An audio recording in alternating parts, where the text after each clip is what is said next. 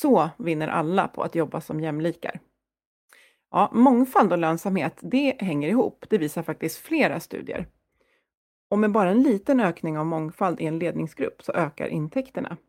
Och med jämställda styrelser och ledningsgrupper, ja, då ökar lönsamheten. Men det går ändå riktigt trögt med både mångfald i allmänhet och jämställdhet i synnerhet. Och under pandemin, då stannade den jämställdhetsutveckling som handlar om kvinnor i vd-poster och i styrelse i börsbolag av.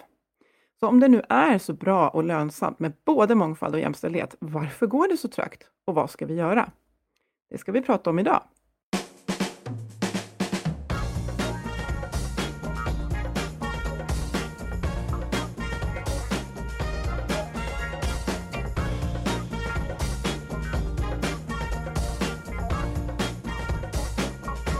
Och det gör vi i podden Health for Wealth.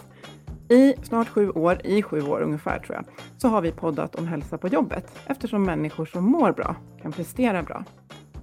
Och för att må bra och prestera bra, då behöver vi kunna ha goda samarbeten, rätt resurser på plats, ha handlingsutrymme och trygga ledare som har tid att leda. Och i podden, då tar vi hjälp av gäster och tar ett helhetsgrepp på det här med hälsan på jobbet. Och vi är Ann-Sofie Forsmark. Jag är hälsostrateg, ledarskapskonsult och jag poddar tillsammans med Boel Stier. Jag driver organisationen Oxigroup och Boel är copywriter och kommunikationskonsult. Varje vecka så delar vi inspiration, idéer och tips för ett bättre och mer hållbart arbetsliv. Till dig som är chef, ledare, HR och medarbetare eller som vill bli det. Och idag så känns det väldigt roligt att äntligen få säga välkommen till min bland annat Oxigroup-kollega Urban Björn. Och du är ju i grunden ekonom. Du har lång erfarenhet från investment banking, varit affärschef och eh, jobbat med corporate banking och du bytte sen till att bli HR-chef och senare Head of Diversity and Inclusion på en av Nordens största banker. Men sen blev du konsult och nu är du ute och hjälper massor av företag. Och vad, är du, vad kallar du dig nu?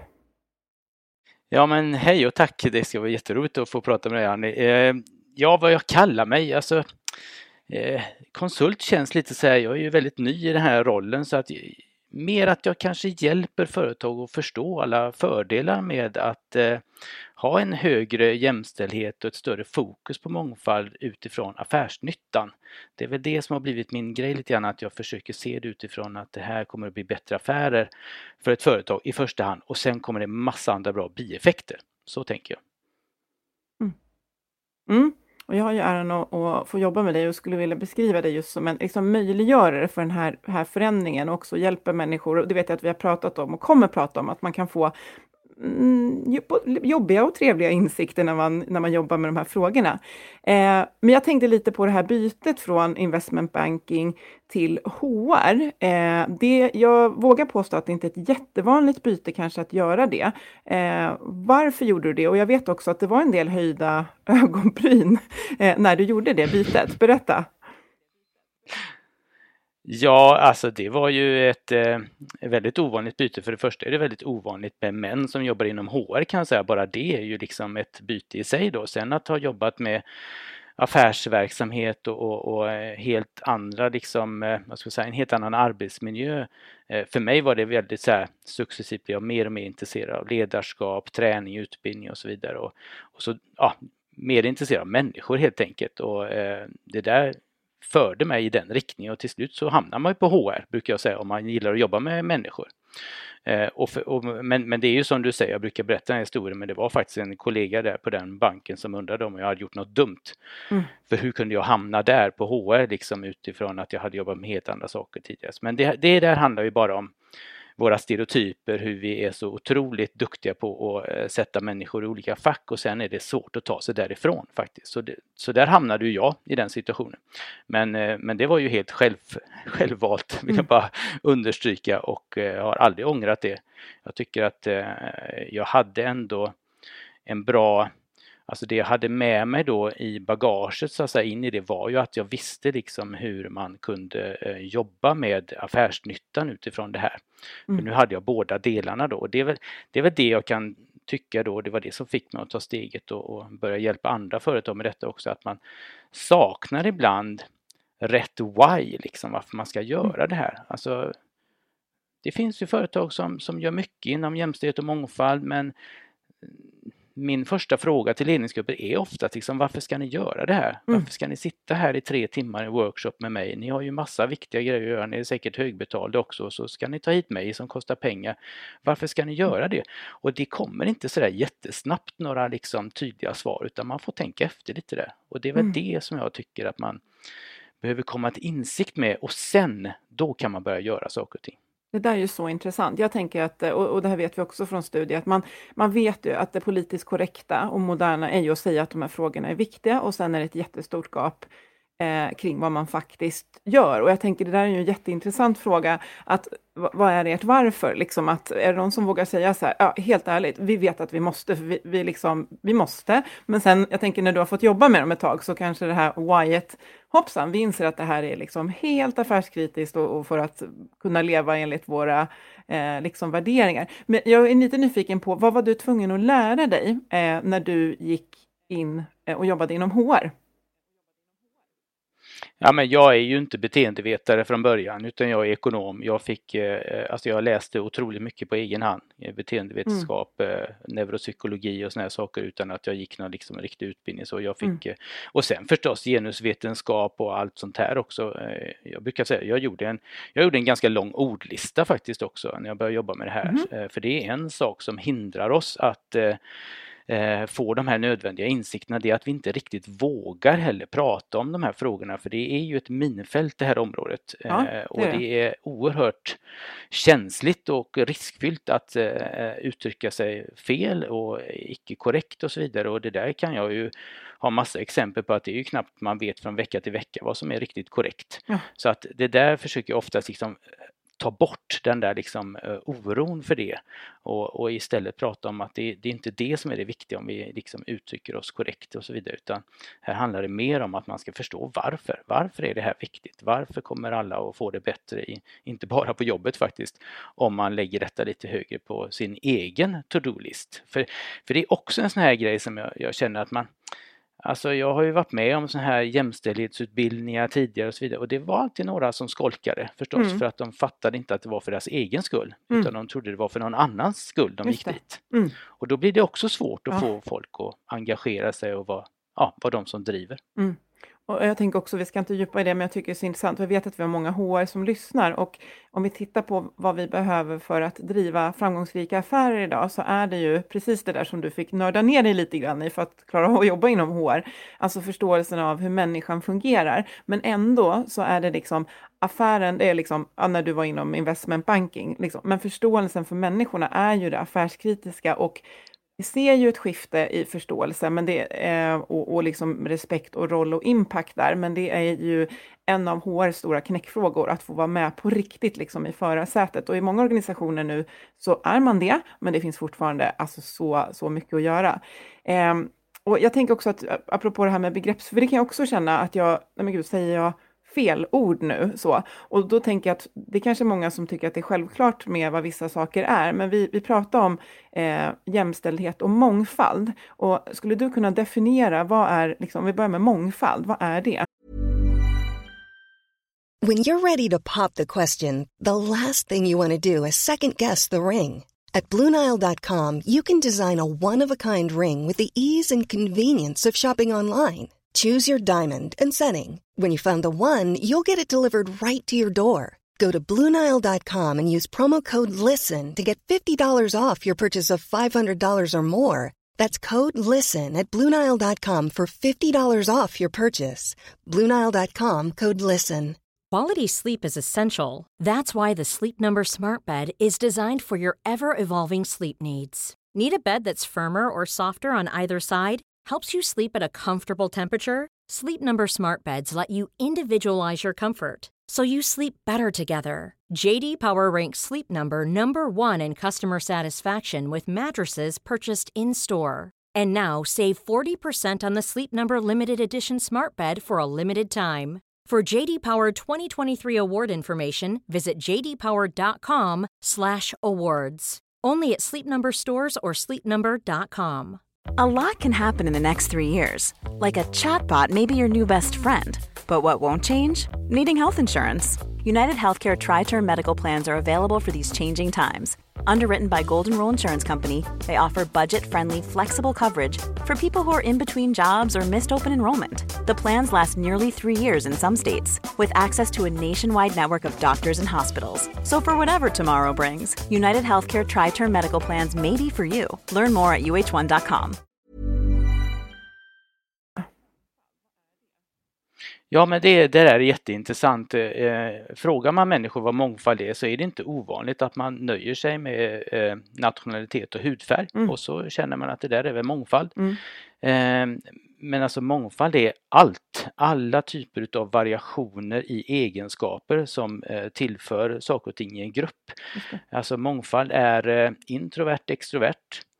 Eh, mångfald är eh, lång erfarenhet, kort erfarenhet av en, ja, ett jobb. Mm. Eh, mångfald är så mycket mer och, och sen kan man då fråga sig hur mycket, ja, vilken mångfald är det som bidrar då? Ja, då brukar jag säga så här, ja, e- eller ibland frågar folk så här, ja men är all mångfald bra då? Eh, ja, alltså olika perspektiv, det är det vi pratar om med mångfald och det vet vi ju, olika perspektiv kommer att tillföra innovationskraft och kreativitet och så vidare. Mm. Men det är klart att vi kan inte liksom ha vi kan inte ha folk som är olika på det sättet att man går utanför företagets värderingar. Där Nej. är det liksom värderingarnas kärna som, som eh, bestämmer vilka olikheter som kommer att bidra här. Mm. Men i övrigt då så är det ju Ja, men det är, det är som du säger, må- mångfald är ett begrepp som jag tycker är lite så här, ja, det är faktiskt få som förstår att det är, det är faktiskt allting som gör att vi är olika och hur vi också kan bidra med de olikheterna då i en grupp. Då. Mm. Och där tänker jag att man... Men sen så har du jämställdhet också Ja. och jämställdhet är ju också en sån här, ja, jämställdhet och jämlikhet. Frågar man människor på stan vad är skillnaden mellan jämlikhet och jämställdhet så är det få som vet att jämlikhet är alla och jämställdhet är bara män kvinnor. Mm. Och, och sådana här saker är klart att ja, det är väl bra att ha lite koll på kanske. Ja, så jämlikhet, alla. Ja, och jämställdhet, det är Ja. mellan, det är mellan eh, kvinnor och män. Och vi släpper det här avsnittet dagen efter internationella kvinnodagen, vilket eh, kändes väldigt, väldigt vältajmat. Eh, och vi, som sagt, jag hänvisade till några, eller jag sa inte vilka studier det var, men det, det kan vi länka till från det här avsnittet. Men det finns många studier. Och jag, jag tänker ett, bara ett exempel, det är ju det här med mångfald, att Eh, ganska många organisationer har ju kunder eh, och man vill ha många kunder, så kunderna är mångfaldsrepresenterade på många sätt och då är det ju väldigt värdefullt att ha många perspektiv i organisationen. Eh, men det, det, finns ju ganska, det finns ju fler affärsargument som jag tänker att just en sån här kanske ledningsgrupp eller ledare behöver, behöver höra för att stärka sitt why. Liksom. Vad, vilka brukar du tycka är viktiga att föra fram? Nej, men eh, det, det är ju precis som du säger, det här med att spegla sin kundbas. Det kan vara ett jätteviktigt eh, varför man ska hålla på med det här. Det, det finns ju många organisationer som behöver det eh, av olika anledningar och, och är vi liksom 22 procent i Sverige som kallas utrikesfödda, eh, det är klart att då har man ganska långt upp för att spegla den typen av kundgrupper och målgrupper då. Eh, så det kan ju vara ett absolut ett, eh, sen, sen blir det ju indirekt affärsmässigt då. Men men det viktigaste återigen det är det här att man kommer åt det här med att olika grupper, team som har liksom som inte har så mycket homogenitet utan där finns det liksom olika utbildningar, olika ålder, eh, kön, eh, man kan tillföra introverta, extroverta. Så det är Mm. klart att de grupperna vet vi presterar bättre så, så bara det att vi får grupper som innehåller en större mångfald kommer att leda till att vi får bättre affärer. Men Mm. sen är det ju så att bara tillföra mångfald eh, kommer ju liksom inte per automatik att innebära att vi gör bättre affärer utan då skulle jag vilja föra in det här med inkludering där så att man förstår eh, den viktiga parametern för det finns ju företag som har en jättestor mångfald. Eh, massa olika nationaliteter och människor som är olika och så vidare. Men de har hamnat på de lägsta eh, arbetsuppgifterna längst ner i hierarkin, enkla arbetsuppgifter oftast, och har inte tillåtits att ta plats i ledningsgrupper och projektgrupper och så vidare. Och där får man ju ingen nytta utav den innovationskraften som man egentligen vill åt då, för den har ju, gör ju mest nytta upp, längre upp i organisationen. Så där får man jobba med inkludering och där handlar det ju om att ta bort trösklar och eh, hinder och barriärer Mm. för olika människor att kunna också ta sig vidare. Och det där eh, tror jag är väl den utmaningen som många svenska företag står efter, inom, inför nu då för att nu har man jobbat ganska mycket med mångfald, man behöver också mångfald, man förstår varför och så. Men sen ser, måste man ju se till att vi inte har liksom någonting som gör att det är svårt för vissa grupper att nå uppåt. Mm. Så det, det, är väl den, det, det, tycker jag är den största. Och sen när man pratar om, ja varför ska man, ja men en sak är ju faktiskt att vi, eh, alltså vi behöver bli attraktivare som arbetsgivare. Vi kan inte ha liksom en, en arbetsplats där det bara är en, en väldigt smal entrédörr om man säger så, där bara några få eh, kan känna sig hemma och få vara sig själva och då kommer vi in på det här med tillhörighet och så mm. vidare. Mm. Och, och, jag tänker på hur våra eh, stackars hjärnor funkar. Och, och, det är ju så att jag tänker också, man brukar säga när man har sovit dåligt blir man mer stereotyp. Eh, alltså det kräver en ganska hög eh, liksom förmå, alltså det är ju mycket enklare att, att välja någon som är precis som jag. Det är mycket lättare att förstå hur den personen fungerar. Eh, så att det här kräver ju liksom på något sätt, eh, jag brukar prata kognitiv överkapacitet. Att vi måste förstå att det här, eh, Lars kommer välja Lars, liksom. och om alla är Lars i ledningsgruppen, då blir det fler Lars. Det kommer, det kommer liksom krävas lite mer för att, för att orka, för det är ju lite, liksom, vad ska man säga, det är fel ord att säga jobbigare, men, men det, det, tar lite längre tid att ta in flera perspektiv. Det går ju snabbare att bara köra på i samma hjulspår, så det här måste man ju skapa. Eh, vi ska också podda om eh, rekrytering och just fördomsfri rekrytering. Att eh, mm. eh, det liksom kan vara hopplöst att ha människor som ska sålla, för att vi är inte speciellt rationella, utan vi behöver ju kanske sätta det här Nej. i system och verkligen, eh, ja, men det som du är ute och hjälper till med, få den här förståelsen. Eh, för att det här kommer inte vara jättelätt att, att uppnå. Nej, men det tror jag man ska vara väldigt tydlig med. Eh, det, det mesta utav det här att, att få en arbetsplats att bli mer eh, eh, inkluderande och, och, att man känner tillhörighet och, och också har den ambitionen att jag ska se till att jag, jag har en grupp här där alla inte tycker lika till exempel. Eh, jag ser fram emot att ha någon som har en annan åsikt än mig, mm. chefer som säger det och så vidare. Det är ju inte lätt det tror jag man liksom, man får inte gå in i det och säga att ja, det är väl inget svårt, kom igen nu, du kan väl anställa någon som är lite mer olik dig och som gruppen kanske kommer att ha lite konflikter med och det blir friktioner. Ja. Nej, det är inte lätt, men det kommer att bli bra. Det kommer, bli bra. Det kommer mm. att bli bra, men man ska också vara medveten om att det finns ju eh, studier som visar att på kort sikt så är det inte säkert att du får ut så mycket fördelar faktiskt, men de kommer sen på lång sikt. Mm. Så på kort sikt att anställa personer som är lite olika och har olika eh, eh, bakgrund och, och synpunkter och, och, så vidare. Det kommer att bli liksom en, en inkörningsperiod där du inte ser liksom de här effekterna då, de positiva. Men sen kommer de. Då. Mm.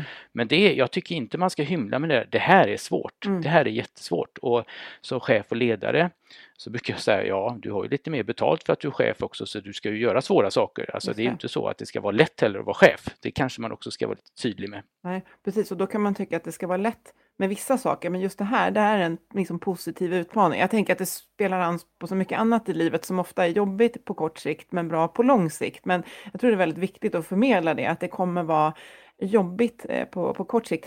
Kan inte, du har ju världens bästa metafor för det här med att med, när man är inkluderad och när man får tillhöra, som jag tycker är så viktig också, att vi kan ju vi kan ju rekrytera in, men det betyder ju inte att jag känner mig hemma i organisationen. Det har med dans att göra. Kan inte du dra den, för den är så bra? Ja, det har med dans att göra. Ja, men hela den här, det är ju om man börjar i mångfalden så handlar det om att man blir bjuden till festen brukar man säga. Alltså, jag får vara med, det är ju mångfald då. Men sen handlar det om att någon kanske frågar om du vill dansa, då blir mm. man inkluderad.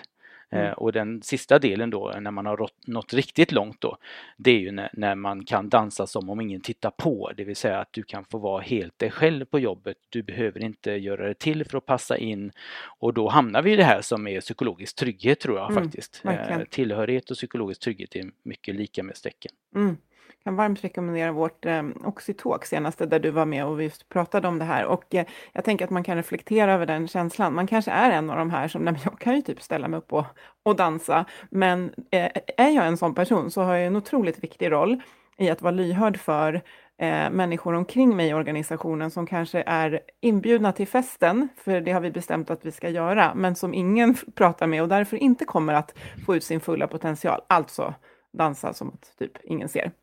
Ja, jättebra. Vad, vad brukar det vara för eh, poletter som ramlar ner när, eh, när du jobbar? Du brukar ju köra sådana workshops bland annat. Och eh, vad är det för eh, insikter mm. man får ofta?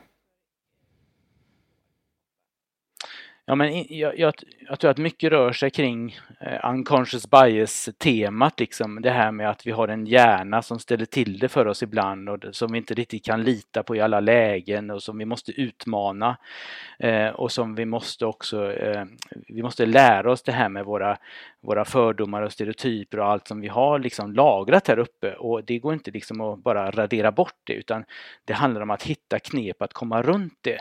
Mm. Ett, ett knep är ju faktiskt att, att man frågar någon annan om råd. Det är ju så enkelt att man har någon annan som känner till att vi har unconscious bias och att vi liksom gör saker och ting omedvetet och någon också ser till att uppmärksamma en på det när man hamnar i de situationerna. Mm.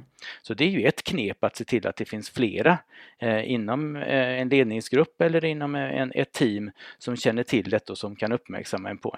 Mm. Så, så, det är ju en sak men, men sen så tror jag att man Alltså det, det är ju så, vi måste ju förstå att vi har fördomar och att vi har saker och ting som styr oss i en annan riktning.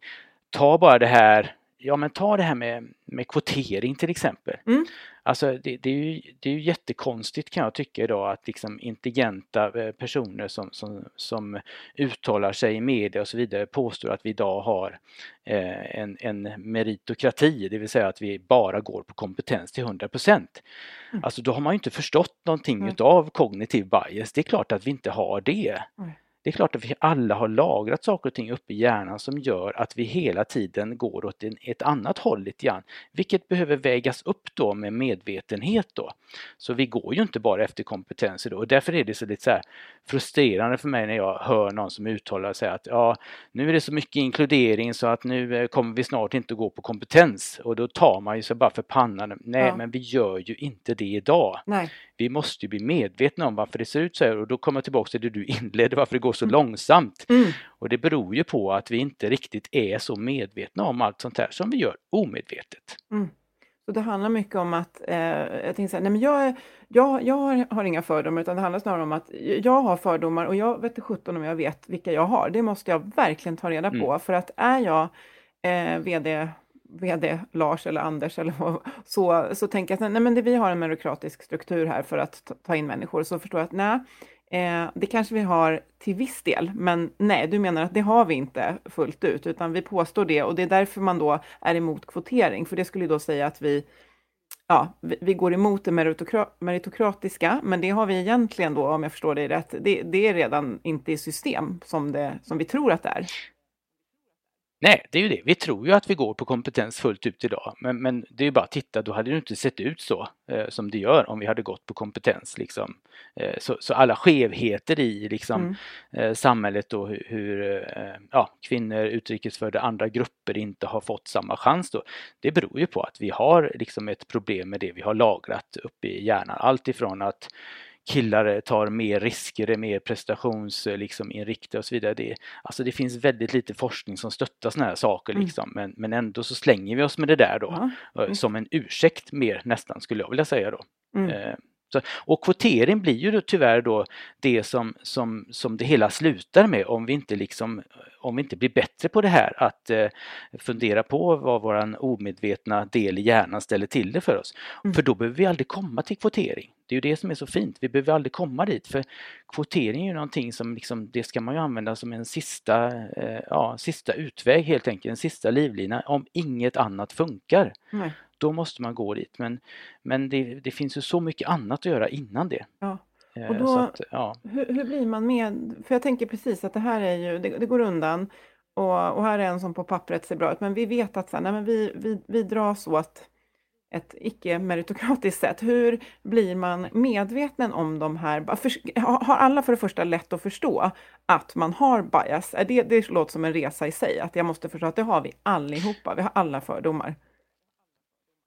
Alltså det, det känner inte jag är någon stor så här liksom, eh, behövs inte någon övertalningskampanj utan det, det, räcker att visa lite studier och exempel så fattar alla det där och, och mm. sen så tror jag att man också när man pratar ihop sig lite grann med, med kollegor i grupp så inser man liksom att det är mycket man inte känner till om hur min hjärna faktiskt liksom uppträder och fungerar då. Så, så det tror jag, det, det tror jag absolut, det, nej men det, det handlar nog mer om det här med hur man kan eh, Eh, hur man kan bygga in signalsystem ja. kanske i olika processer i ett företag då som, som gör att man hela tiden blir uppmärksammad på det här. Då. Mm. Eh, det finns ju företag som har Ja men till exempel när man har eh, lönesamtal eh, så finns det liksom en liten så här checkrad som står liksom ja eh, har du nu satt den här lönen utifrån att du är medveten om att du också har fördomar kring det här och det här. Ja men du vet, så bara mm. att man får liksom en, en varningsklocka som ringer. Just det, nu ska jag tänka på det här ja. Mm.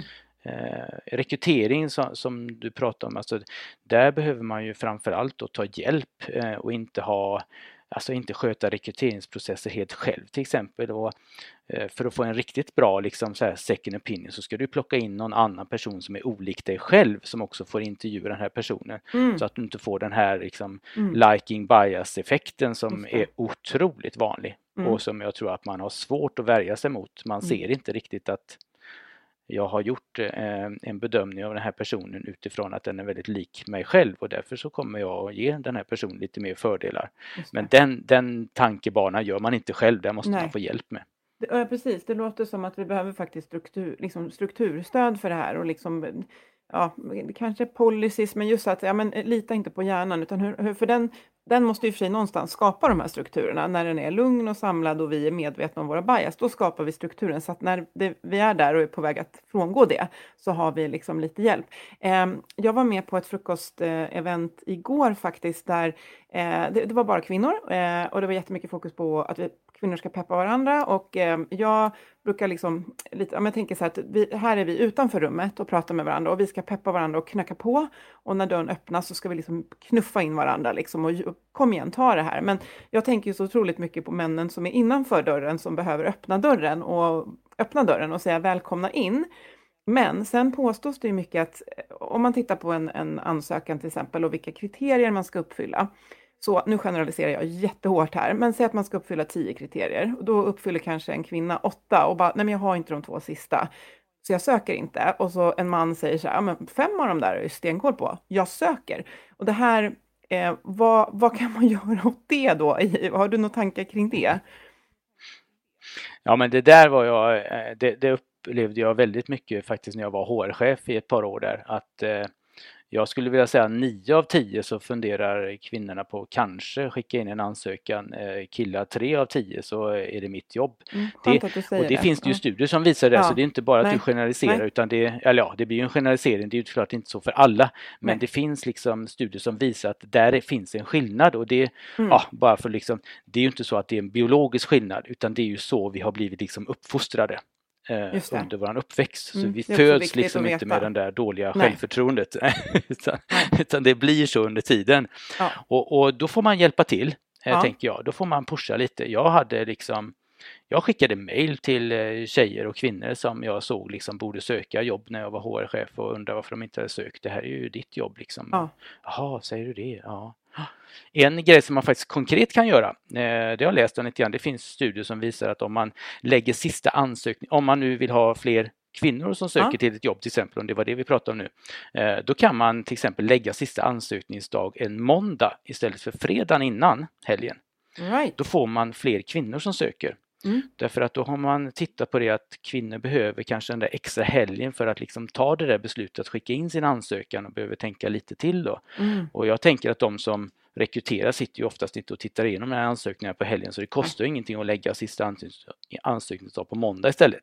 Så det är ett enkelt en enkel knep. Grej. Ja, och, och sen eh, göra mm. som du gjorde, att om jag är en manlig chef eller kvinnlig för den, lika viktigt att liksom peppa ja. och liksom utmana lite. Att, men, för att jag tänker, vi vet alla att vi ska vara i lärande. Det betyder inte att jag till exempel skulle söka jobb som civilingenjör, som är civilekonom på något sätt, men, men när det ligger sådär liksom nära mitt scope. Så, så eh, man pratar ju också om att liksom hire liksom rätt personlighet och sen så kan man lära sig rollen. Att vi behöver, eh, vi, jag önskar att alla inte tappade det där självförtroendet från födseln eftersom det inte är biologiskt, men om det nu är så att vi har en viktig roll att stötta varandra och som chefer och ledare vara uppmärksamma på att vi kanske måste pinpointa och uppmuntra kvinnorna. För att som du säger, det är, det är klart att jag, jag, har inte satt mig in jättemycket i liksom kvotering, vad det finns för studier på det och så där, men magkänslan säger ju att eh, vad häftigt det vore om, eh, jag tror att det var på Microsoft, det var någon högt uppsatt tjänst och så eh, kom de tillbaka rekryterarna och bara, nej men det är bara män. Och då bara, då har ni inte letat tillräckligt bra, ut och leta igen. Liksom. Och att vi skulle, mm alltså det är ju liksom, ja, vi behöver jobba på alla fronter med det här, tänker jag. Eh, alla behöver göra, göra, göra sitt. Ja, absolut. Och sen tycker jag att det är viktigt att liksom, vi, alltså vi har inte kvotering i Sverige vill jag bara tala om, nej, alltså, nej, precis. för de som nej. tror det. Nej, nej, nej. Alltså nej. det är faktiskt förbjudet, det är olagligt mm. att liksom ta någon som har en sämre liksom, meritlista eller erfarenhet före någon annan. Vi kan göra positiv särbehandling, men då har ju båda två sökande exakt samma Ja. Eh, ja, då ligger ja. de på exakt samma nivå. Och hur ofta sker det? det, har, ja. det jag vet inte ens om det kan användas knappt. Nej. Ehm, jag tänkte någonting som vi gärna vill höra, det är ju något, någon organisation, anonym eller som du vill nämna, eh, där du ser att men här har man inte bara jobbat med det här pliktskyldigast, liksom, och det står fint på någon hemsida, utan man har faktiskt jobbat med det på riktigt och det har fått effekt i organisationen. Vad kan du, vad kan du inspirera med där? Jo men det tycker jag att det finns. Eh, I svenska företag finns det ju flera stycken som, ja men alltså jag kan inte säga något som gör allt, som gör allt bra, men de mm, gör några saker mm. liksom eh, var och en för sig då. Eh, nej men Afry tycker jag är ett bra företag som mm. jag gärna lyfter fram. De har ju förstås en, en väldigt tydlig, liksom, de behöver många ingenjörer, eh, de behöver också titta liksom utanför Sverige eh, och titta på, på andra människor som har liksom en, en ja, erfarenhet utav de här sakerna som det är en brist på då. Så de har ju tvingats också titta mer på mångfald utifrån det. Mm. Men de har också, som jag tycker är väldigt bra, eh, de har ju en eh, en, eh, man mäter hur inkluderande chefer är på, på den arbetsplatsen och också kopplat det hur de skårar det till ett belöningssystem faktiskt. Det mm. har jag inte sett så många mm. andra företag som gör. Det. Så Nej, det var, ju ja. mer inkluderade man Ja, men ju ja. mer inkluderande människa som chef desto mer så får man i, i plånboken vid lönen på något sätt. Det finns en koppling där i alla fall. Det tycker jag är väldigt så här, för, för att mäta inkludering det, det kan man nästan bara göra via medarbetarenkäter då än så länge. Det kanske, mm. Man kanske kommer fram till något annat så, så småningom.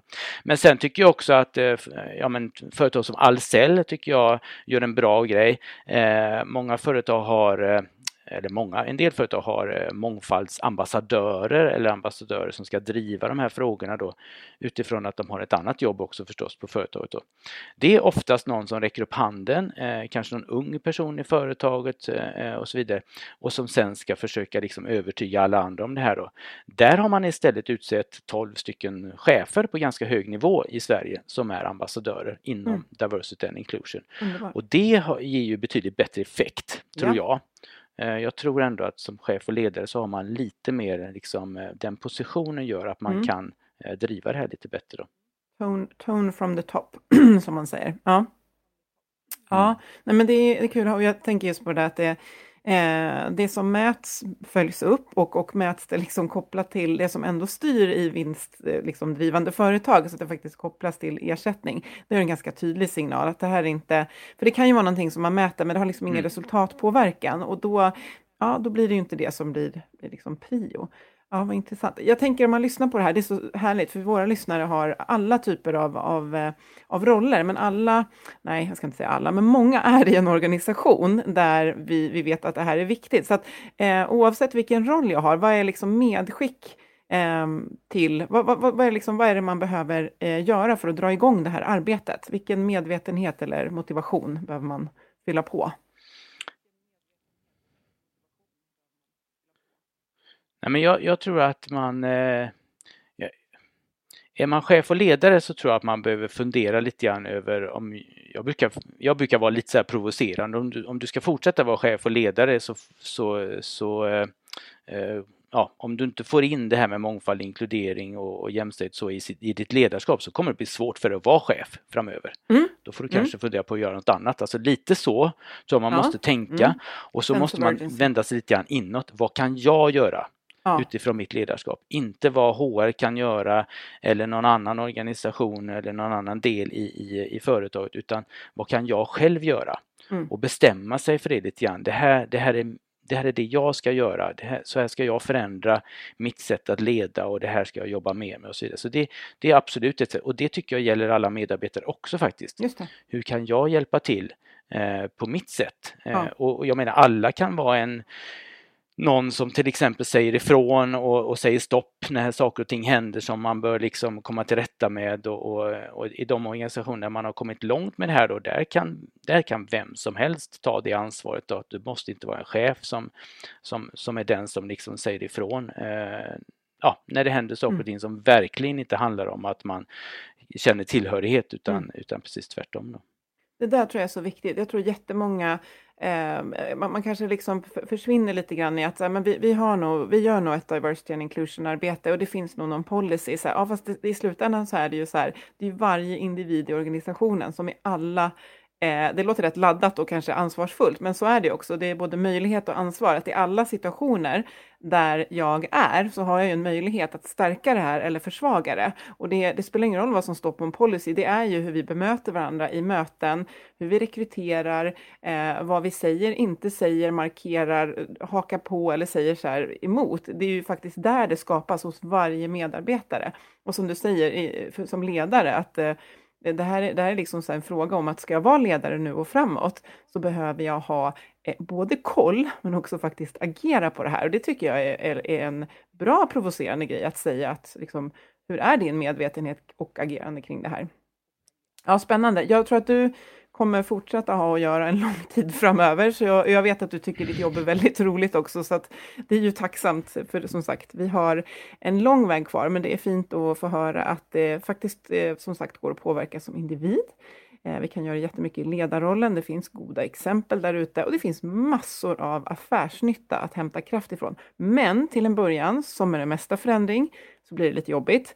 Och sen blir det mycket bättre. Men så är det även med till exempel gå och lägga sig i tid, äta bra, motion. Så att det vet vi. Det som är bra, det är ofta lite motstånd. Ja, tusen eh, tack Urban. Vi lägger länk till vart man kan hitta dig och eh, vill slå ett slag för din bok också, Business as Equals, eh, som man kan läsa och fördjupa eller ge till sin mm. chef eller ledningsgrupp i present kanske. Vi har ju en samarbetspartner i motivation.se. Där har du också varit inne och skrivit. Och det finns naturligtvis massa av artiklar där som handlar om jämställdhet. Och eh, vi valde ut en idag som handlar om att bristande jämställdhet faktiskt skapar ohälsa. Så att vi matar på med eh, argument för att det här är superviktigt att jobba med. Tack så jättemycket Urban för att du var med mig idag. Vi saknar Boel, men det gick ju bra ändå, tycker jag. Och, eh, ja, det gjorde det absolut. Tack ja, själv. Ja, det gjorde det.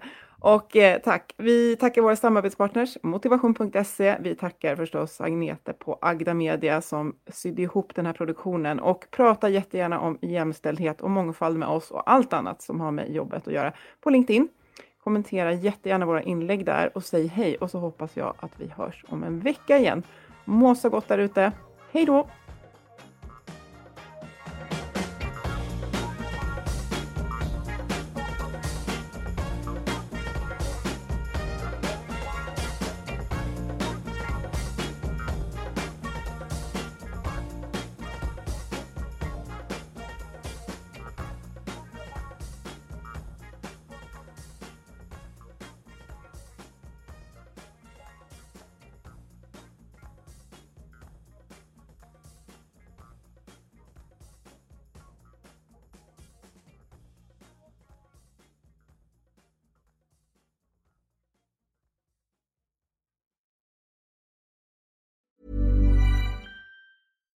Deserves the best, and there's no better place to shop for Mother's Day than Whole Foods Market. They're your destination for unbeatable savings, from premium gifts to show-stopping flowers and irresistible desserts. Start by saving 33% with Prime on all body care and candles. Then get a 15-stem bunch of tulips for just $9.99 each with Prime. Round out Mom's menu with festive rosé, irresistible berry chantilly cake, and more special treats. Come celebrate Mother's Day at Whole Foods Market. Hey, it's Danny Pellegrino from Everything Iconic.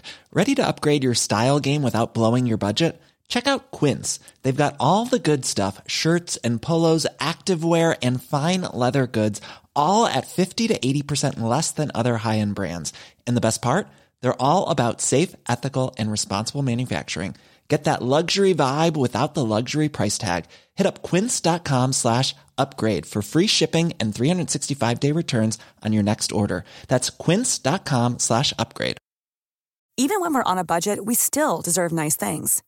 Quince is a place to scoop up stunning high end goods for 50 to 80% less than similar brands. They have buttery soft cashmere sweaters starting at $50, luxurious Italian leather bags, and so much more. Plus, Quince only works with factories that use safe, ethical, and responsible manufacturing. Get the high-end goods you'll love without the high price tag with Quince. Go to quince.com/style for free shipping and 365-day returns.